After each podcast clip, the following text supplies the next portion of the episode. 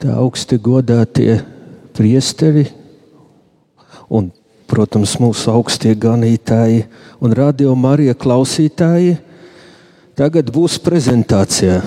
Ļoti īsa prezentācija par to pieredzi, kas mums tagad tiek piedāvāta. Ko piedāvā mums Svētais Gars? Tātad viņš mums piedāvā pieredzi, kuru mēs saucam par sinodālo vai kopīgo pieredzi. Mēs šeit tik ļoti nerunāsim par teoloģiju, un vairāk ne tik ļoti uzrunāsim mūsu prātu, bet vairāk uzrunāsim mūsu praksi. To, ka mēs esam praktiski un mēs darbojamies savās draudzēs, un tāpēc ļoti svarīgi, ka mēs arī varētu atvērties labi šai pieredzēji. Tātad par ko iet runa? Iet runa par to, kas tas ir tas e, sinodālais ceļš. Nu, tas nāk no grieķu valodas, e, no prievārda sin un hodos. Kopā tas ir sinodāls. Tas ir ceļš kopā ar citiem. Un tātad teoloģiski, teoloģiski tā ir Dieva tauta ceļā, Tas ir Vatikāna otrā koncila mācība par to, ka Dieva tauta ir ceļā cauri vēsturei, un Dieva vārds bagātīgi par to liecina. Tā kā šoreiz netik daudz mēs par to runāsim.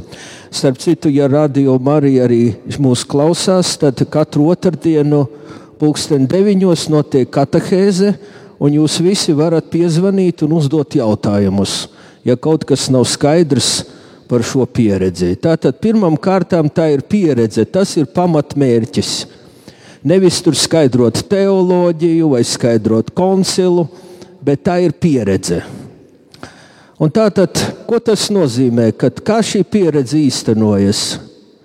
Nu, tā pieredze īstenojas, ka mēs atzīstam otru cilvēku par brāli vai māsu Kristu, ka mēs novērtējam sevi un citos svētā gara dotās dāvanas. Svētais gars katram mums kaut ko ir devis. Tad mēs ieklausāmies citos, kā dieva tautas locekļos, un tad mēs konsultējamies ar citiem par izvirzītiem jautājumiem. Tur arī mēs redzēsim, ir desmit tēmas, un par katru tēmu ir jautājumi. Tātad tur ir iespēja izteikties. Bet, lai tas notiktu, mums ir jāpieņem, ka Dievs var uzrunāt caur jebkuru pieredzi. To mums vajag arī kaut kā noskaņot sevi. Tāpat pārdomājot, kādas tad ir izpausmes šajā pieredzē, tad mēs arī cienām katru līdzdalībnieku un tā uzskatus. Un to, ko mēs konstatējam, beigās ir pozitīvo vai negatīvo reakciju nu, tas nav, protams, tikai emocionāli. Tur arī mums ir kaut kas tāds, ko, ko cilvēki izsaka, jā, un to mēs piefiksētu. Un tad ir arī jaukta reakcija, kad mēs īsti nezinām, kas tur ir. Nu, tad to ar tā piefiksē, ka mēs nezinām, kas tur tā konkrēti ir. Un tad mēs dalāmies savā pieredzē ar citiem. Lūk. Ļoti svarīgi ir saprast, kas nav paredzēts un ko vajadzētu tiešām labi saprast, un tam, kas to organizē, un tam, kas arī to virza, to, to satikšanos vai dalīšanos, kad skaidri pateiktu, ka mums, mums nav šeit paredzēts debatēt par baznīcas ticības vai morāles mācību. Tas nav paredzēts. Nav paredzēts arī raksturot baznīcas un valsts attiecības. Saprotu, ka cilvēki var virzīties uz, šādām, uz šādu noskaņu, tad to mums vajag teikt, nē, mēs, tā nav mūsu galvenā tēma. Tāpat mēs neparedzam izvērtēt konkrētas baznīcas amatpersonas, viņu uzvedību, viņu attieksmi. Es domāju, ka šodien homilijā mēs dzirdējām uh, labu atgādinājumu par šo jautājumu. Kā mums attiekties pret citiem, vispirms skatīties uz sevi. Un tad nav paredzēts pievērsties draudzes un kopienas pastorālām problēmām. Tas ir tiešā nozīmē. tieši par to runāt. Protams, kad atklājās cilvēka varbūt sāpes vai kaut kas tāds, kas cilvēkam var būt negatīvs, mēs no tā varam, mēs no tā varam secināt kaut ko, un mēs to vēlāk secināsim. Bet tas būs vēlāk, un tas būs jau kopējai izšķiršanās ceļā, tas būs jau vēlāk. Nav paredzēts arī kritizēt, aprunāt un mācīt citus cilvēkus, ka tieši tā vai savādāk vajag domāt. Jo, ja tas notiks, tad tā dalīšanās uzreiz aizies nepareizā virzienā. Nu, nav paredzēts mazināt uzticēšanās un dalīšanās gaisotni, tad, tad mums tieši vajag veicināt to. Kas tad mums ir tie līdzdalībnieki kopīgā ceļā? Nu, vispirms vietējā baznīcā tie ir mūsu ordinētās kārtas, tad ir dievam veltītās personas un kristīgie lai jebkurā dzīves stāvoklī. Un tagad, ja runājam par draugu, tad draudzē tieši tie nokristītie, jebkādā stāvoklī vai vecumā, tieši draudzē mēs liktu akcentu uz laulātiem un ģimenēm, jebkādā viņu stāvoklī. Tas ir, ja viņi arī tur ir kādā situācijā, krīzes situācijā, vai ja tur ir šķīrušies, tad, tad tie, šie cilvēki arī mums būtu jāuzrunā. Tie piedar pie draudzes, jo mums īstenībā nu, nav paredzēts diecēzes līmenī tagad uh, organizēt kaut ko īpašu laulātiem un ģimenēm. Tas ir loģistikas iemeslu dēļ. Uh, tāpēc, ka tur ir gan telpu ziņā, gan arī ko darīt ar bērniem, jo bērnus īstenībā arī vajadzētu kaut kā nodarbināt. E, kam, ja, ja piemēram, laulāti atnāk vai ģimenes atnāk ar bērniem, kaut kā viņus vajag tur kaut kā nodarbināt ar ko citu īstenībā. Nu, tie pastorālie darbinieki pieder pie draudzes, tie ir katehēti, protams, un garīdznieki, ka mums garīdzniekiem būs kaut kas arī atsevišķs. Jā. Bet tad arī uh, Svētais Kresls lielu akcentu liek uz sekojošiem, tieši uz trūcīgiem cilvēkiem, uz atkarīgiem, uz atstumtiem, uz nepieņemtiem un noraidītiem. Vārdu sakot, kurus sauc marģināli. Mēs viņus saucam marģinālie vai tie, kas ir perifērijās. Nu, šie cilvēki arī kaut kā jāiesaista. Un, nu, Praktiski tas arī kaut kādā draudzes locekļus vajadzētu uzrunāt, vai arī prāvestam varbūt jau ir šie cilvēki zināmi, kaut kā viņus iesaistīt. Un tad citi kristieši un pat citu reliģiju sekotāji, nu, arī vismaz uz vienu tikšanos vajadzētu īpaši pacensties. Eh, arī citus kristiešus, kas ir apkārt, ne tikai mācītājus, bet arī kādu citu konfesiju kristiešus iesaistīt kuri ir atvērti šai pieredzei. Nu, un arī sabiedrības locekļi īstenībā. Neatkarīgi no attiecībām, dzīves stāvokļa un attieksme ar organizētu reliģiju. Tātad jebkādi cilvēki, jebkādi cilvēki īstenībā. Visi, kuri respektē šo pieredzi, tie varētu būt iesaistīti. Visi, jebkur. Tātad, kādi ir priekšnosacījumi kopīgajam ceļam? Nu, priekšnosacījumi ir sekojošie, un tie nāk no svētā krēsla vadlīnijām. Tātad jāļauj vadīt sevi dievam, konkrēti teiktu svētajam garam, nevis vadīties pēc savām vēlmēm. To vajag kaut kā sevi noskaņot uz to.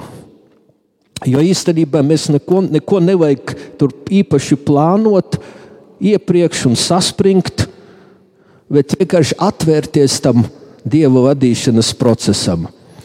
Nu, un arī vajag pārvarēt līdzšinējos priekšstatus par sevi un citiem. Nu, tas laikam ir liels izaicinājums. Paplašināt savu redzējumu par kristīgo dzīvi un baznīcu, jā, jo baznīcu varbūt skata tikai institucionāli, Bet šeit mēs redzam, ka baznīca ir kopība, koinonija. Tas ir plašāk. Baznīca, dieva tauta, tas ir plašāks skatījums. Vēl ir nosacījums redzēt pozitīvas iespējas, nevis tikai problēmas un negatīvo. Lūk, tāda var būt problēma daudziem. Jo domās, nu mēs tagad gribam izteikt problēmas, mēs izteiksim to negatīvo. Tur vajadzētu kaut kā tā nu, nu, virzīt to dalīšanos, ka teiktu, bet ko jūs redzat pozitīvu? Ko jūs redzat šajā, ko Dievs jums saka caur to? Kas būtu labs, kas būtu pozitīvs, ko mums darīt labāku? Tātad pievērsties garīgai pieredzē, nevis ārējām struktūrām, to arī iesaka svētais krēsls. Tātad nu, garīga pieredze, tas ir lūk, ko Dievs man uzrunā tajā konkrētā brīdī.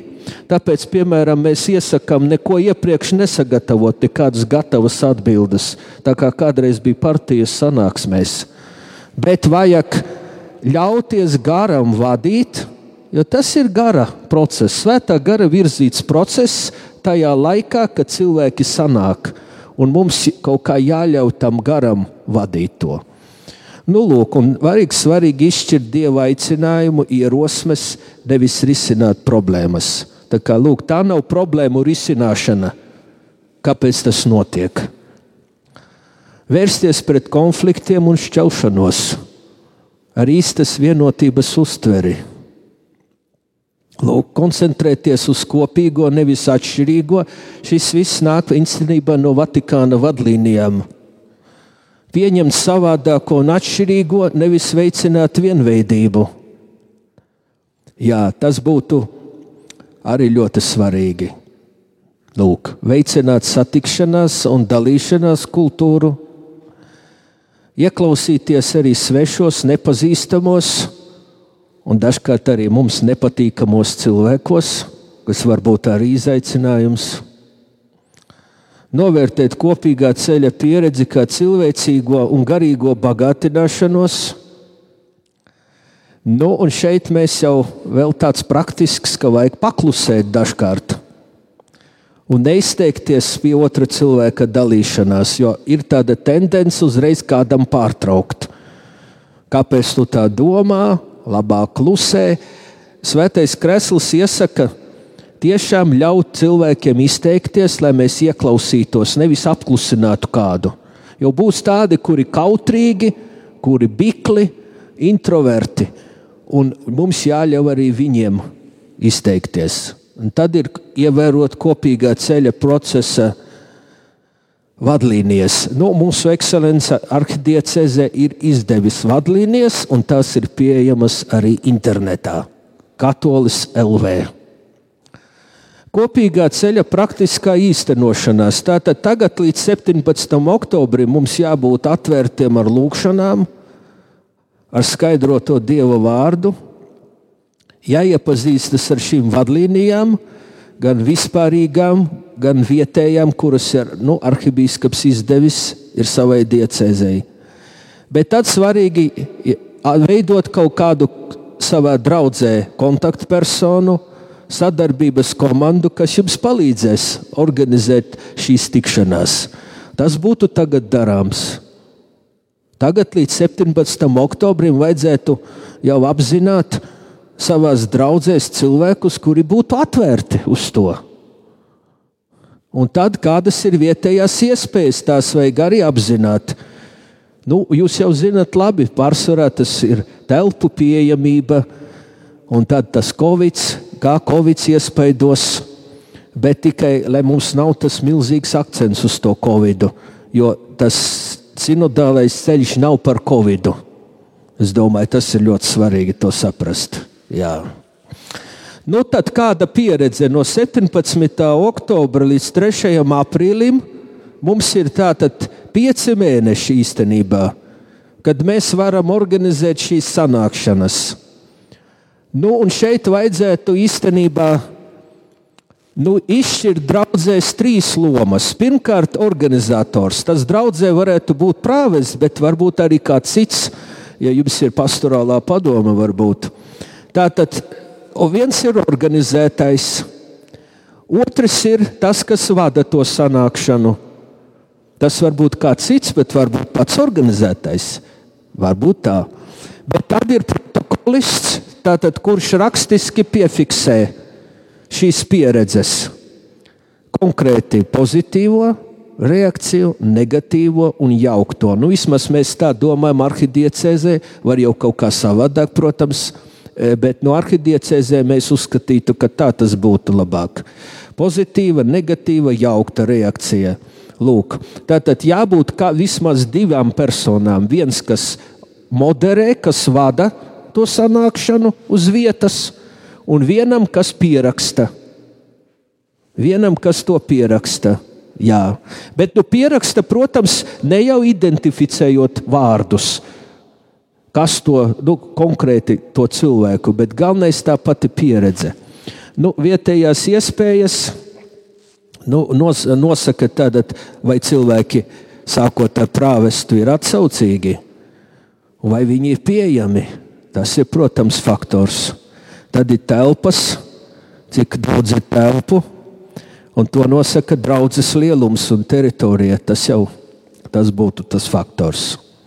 Tagad ir desmit temati, eh, kuri ir, šie ir tikai temati eh, pie dalīšanās, un tur vēl ir apakšjautājumi, kuri ir atrodami vispārējās vadlīnijās, bet mēs tos jautājumus šeit īpaši neceļam, bet tās tēmas izceļam. Tātad normāli būtu, ka viena sanākšana būtu veltīta vienai tēmai.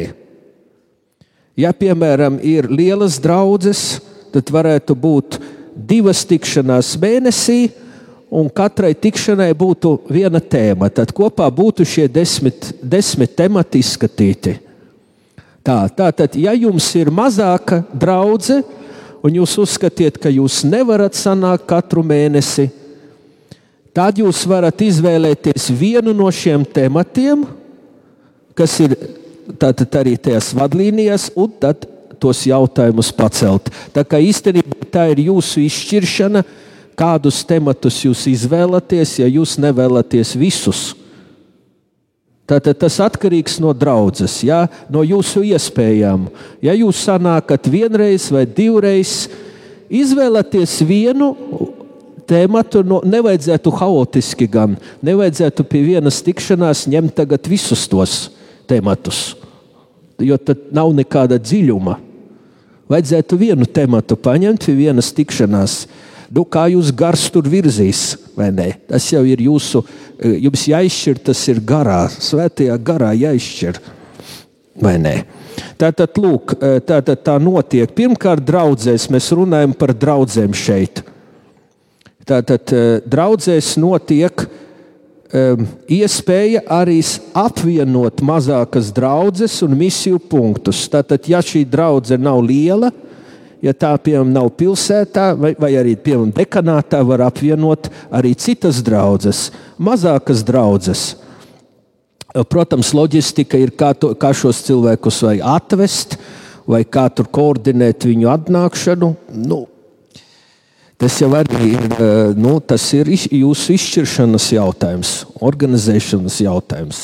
Lūk, nu, tad tu organizē, tātad, kā jau teicu, vai moderē prāvesti, administratori vai kādas citas pilnvarotas personas, un tāpat protokolē to pašu kāda pilnvarota persona. Tad to vajadzētu jau iepriekš padomāt, kas to darīs. Jo ne jau ka visi sanāks un tad sāksies strīdi, kurš to darīs.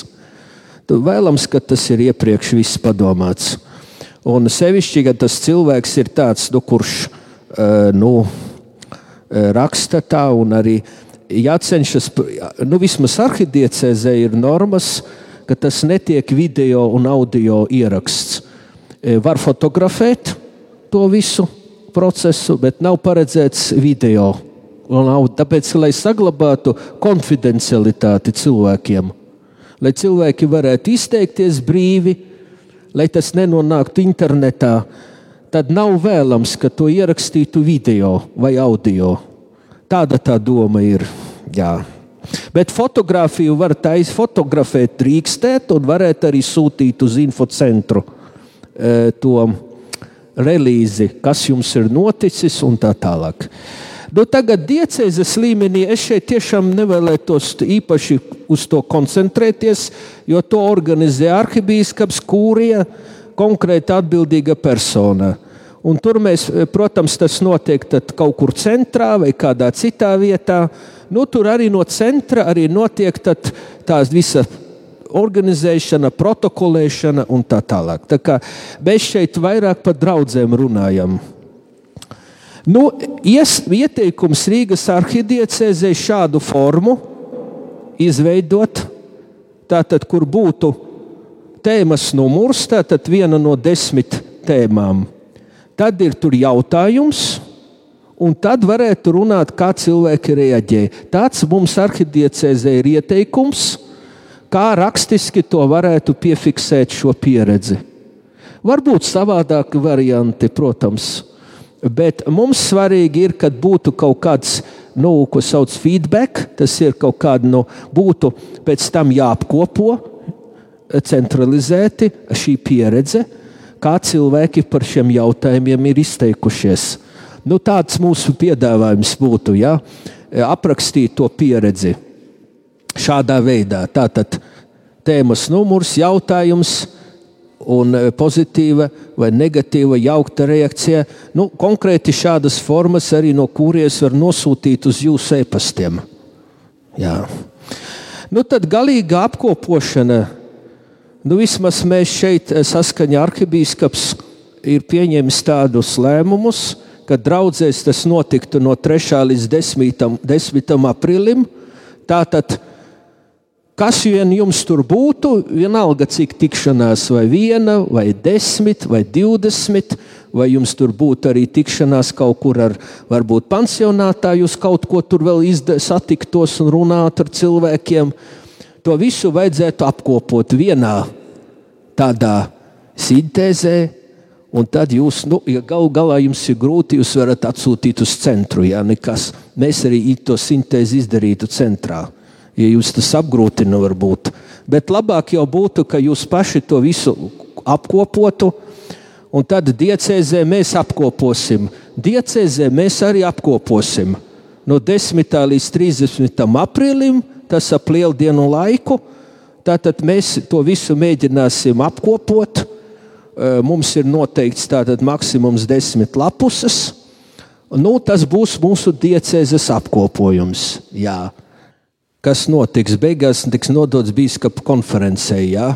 Tātad aprīļa beigās būs nodots biskupa konferencei, tie tiks izmantoti rudens biskupu sinodei 2003. gadā. Tagad jūs domāsiet, nu, kāpēc tas viss ir vajadzīgs vispār?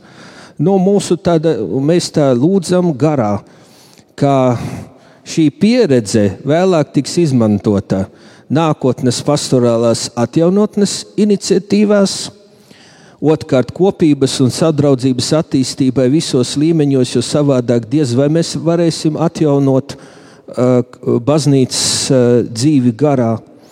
Nu, un tad arī līdzdalības veicināšanā, dažādu kalpošanu izvēršanā un baznīcas visies pastiprināšanai. Iespējams, arī būs sasaukta kaut kad vietējā sinode, kad arī gars to rosinās. Nu, lūk, tas ir tas nākotne, tā kā vispār tas uz nākotni viss ir virzīts. Es ceru, ka jūs nu, at, esat atvērti šim, šim procesam. Ja jums tiešām ir jautājumi, tad pa otrdienām es lūgtu jūs zvanīt vai rakstīt, e, tad, kad būs tas raidījums e, par radio Mariju. Tur tad varēs plaši vēl runāt, runāt un skaidrot. Eh, tātad mudiniet savus draugus locekļus, lai viņi arī eh, tātad var zvanīt uz radio, viņi tur var runāt un jautāt. Nu, ko vēl var darīt? Var zvanīt pa šito tālruni, vismaz arhidiecēzē. Mums ir koordinācija pa šo tālruni. Tātad 288, 116, jūs varat rakstīt arī e-pastu. Sinode LV Gmail. Nu, vēl papildus raksti būs Katolis LV, tur ir sadaļa. Tur tātad um, ir teoloģiski raksti, tur būs arī šie normatīvie dokumenti, jau viņi tur publicēti. Tur arī nāks jauni teoloģiski raksti, kuri nāk arī Svētā Jēkaba katedrālas vēstnesītī. Būs publicēti teoloģiski raksti uh, un arī pastorāli raksti uh, par šo procesu, par šo pieredzi to jūs esat aicināti izmantot. Tā kā es domāju, materiāli ir pieejami, un e, tiešām mēs varam pateikties e, Dievam, ka mēs šajā laikā varam īstenot šo pieredzi, kas ir Vatikāna otrā koncila rosināta pieredze. Man tas būtu arī viss. Paldies jums par uzmanību! Un gaidīsim jautājumus Radio Marija po otrdienām no 9 līdz 10 tiešraidē. Paldies jums visiem!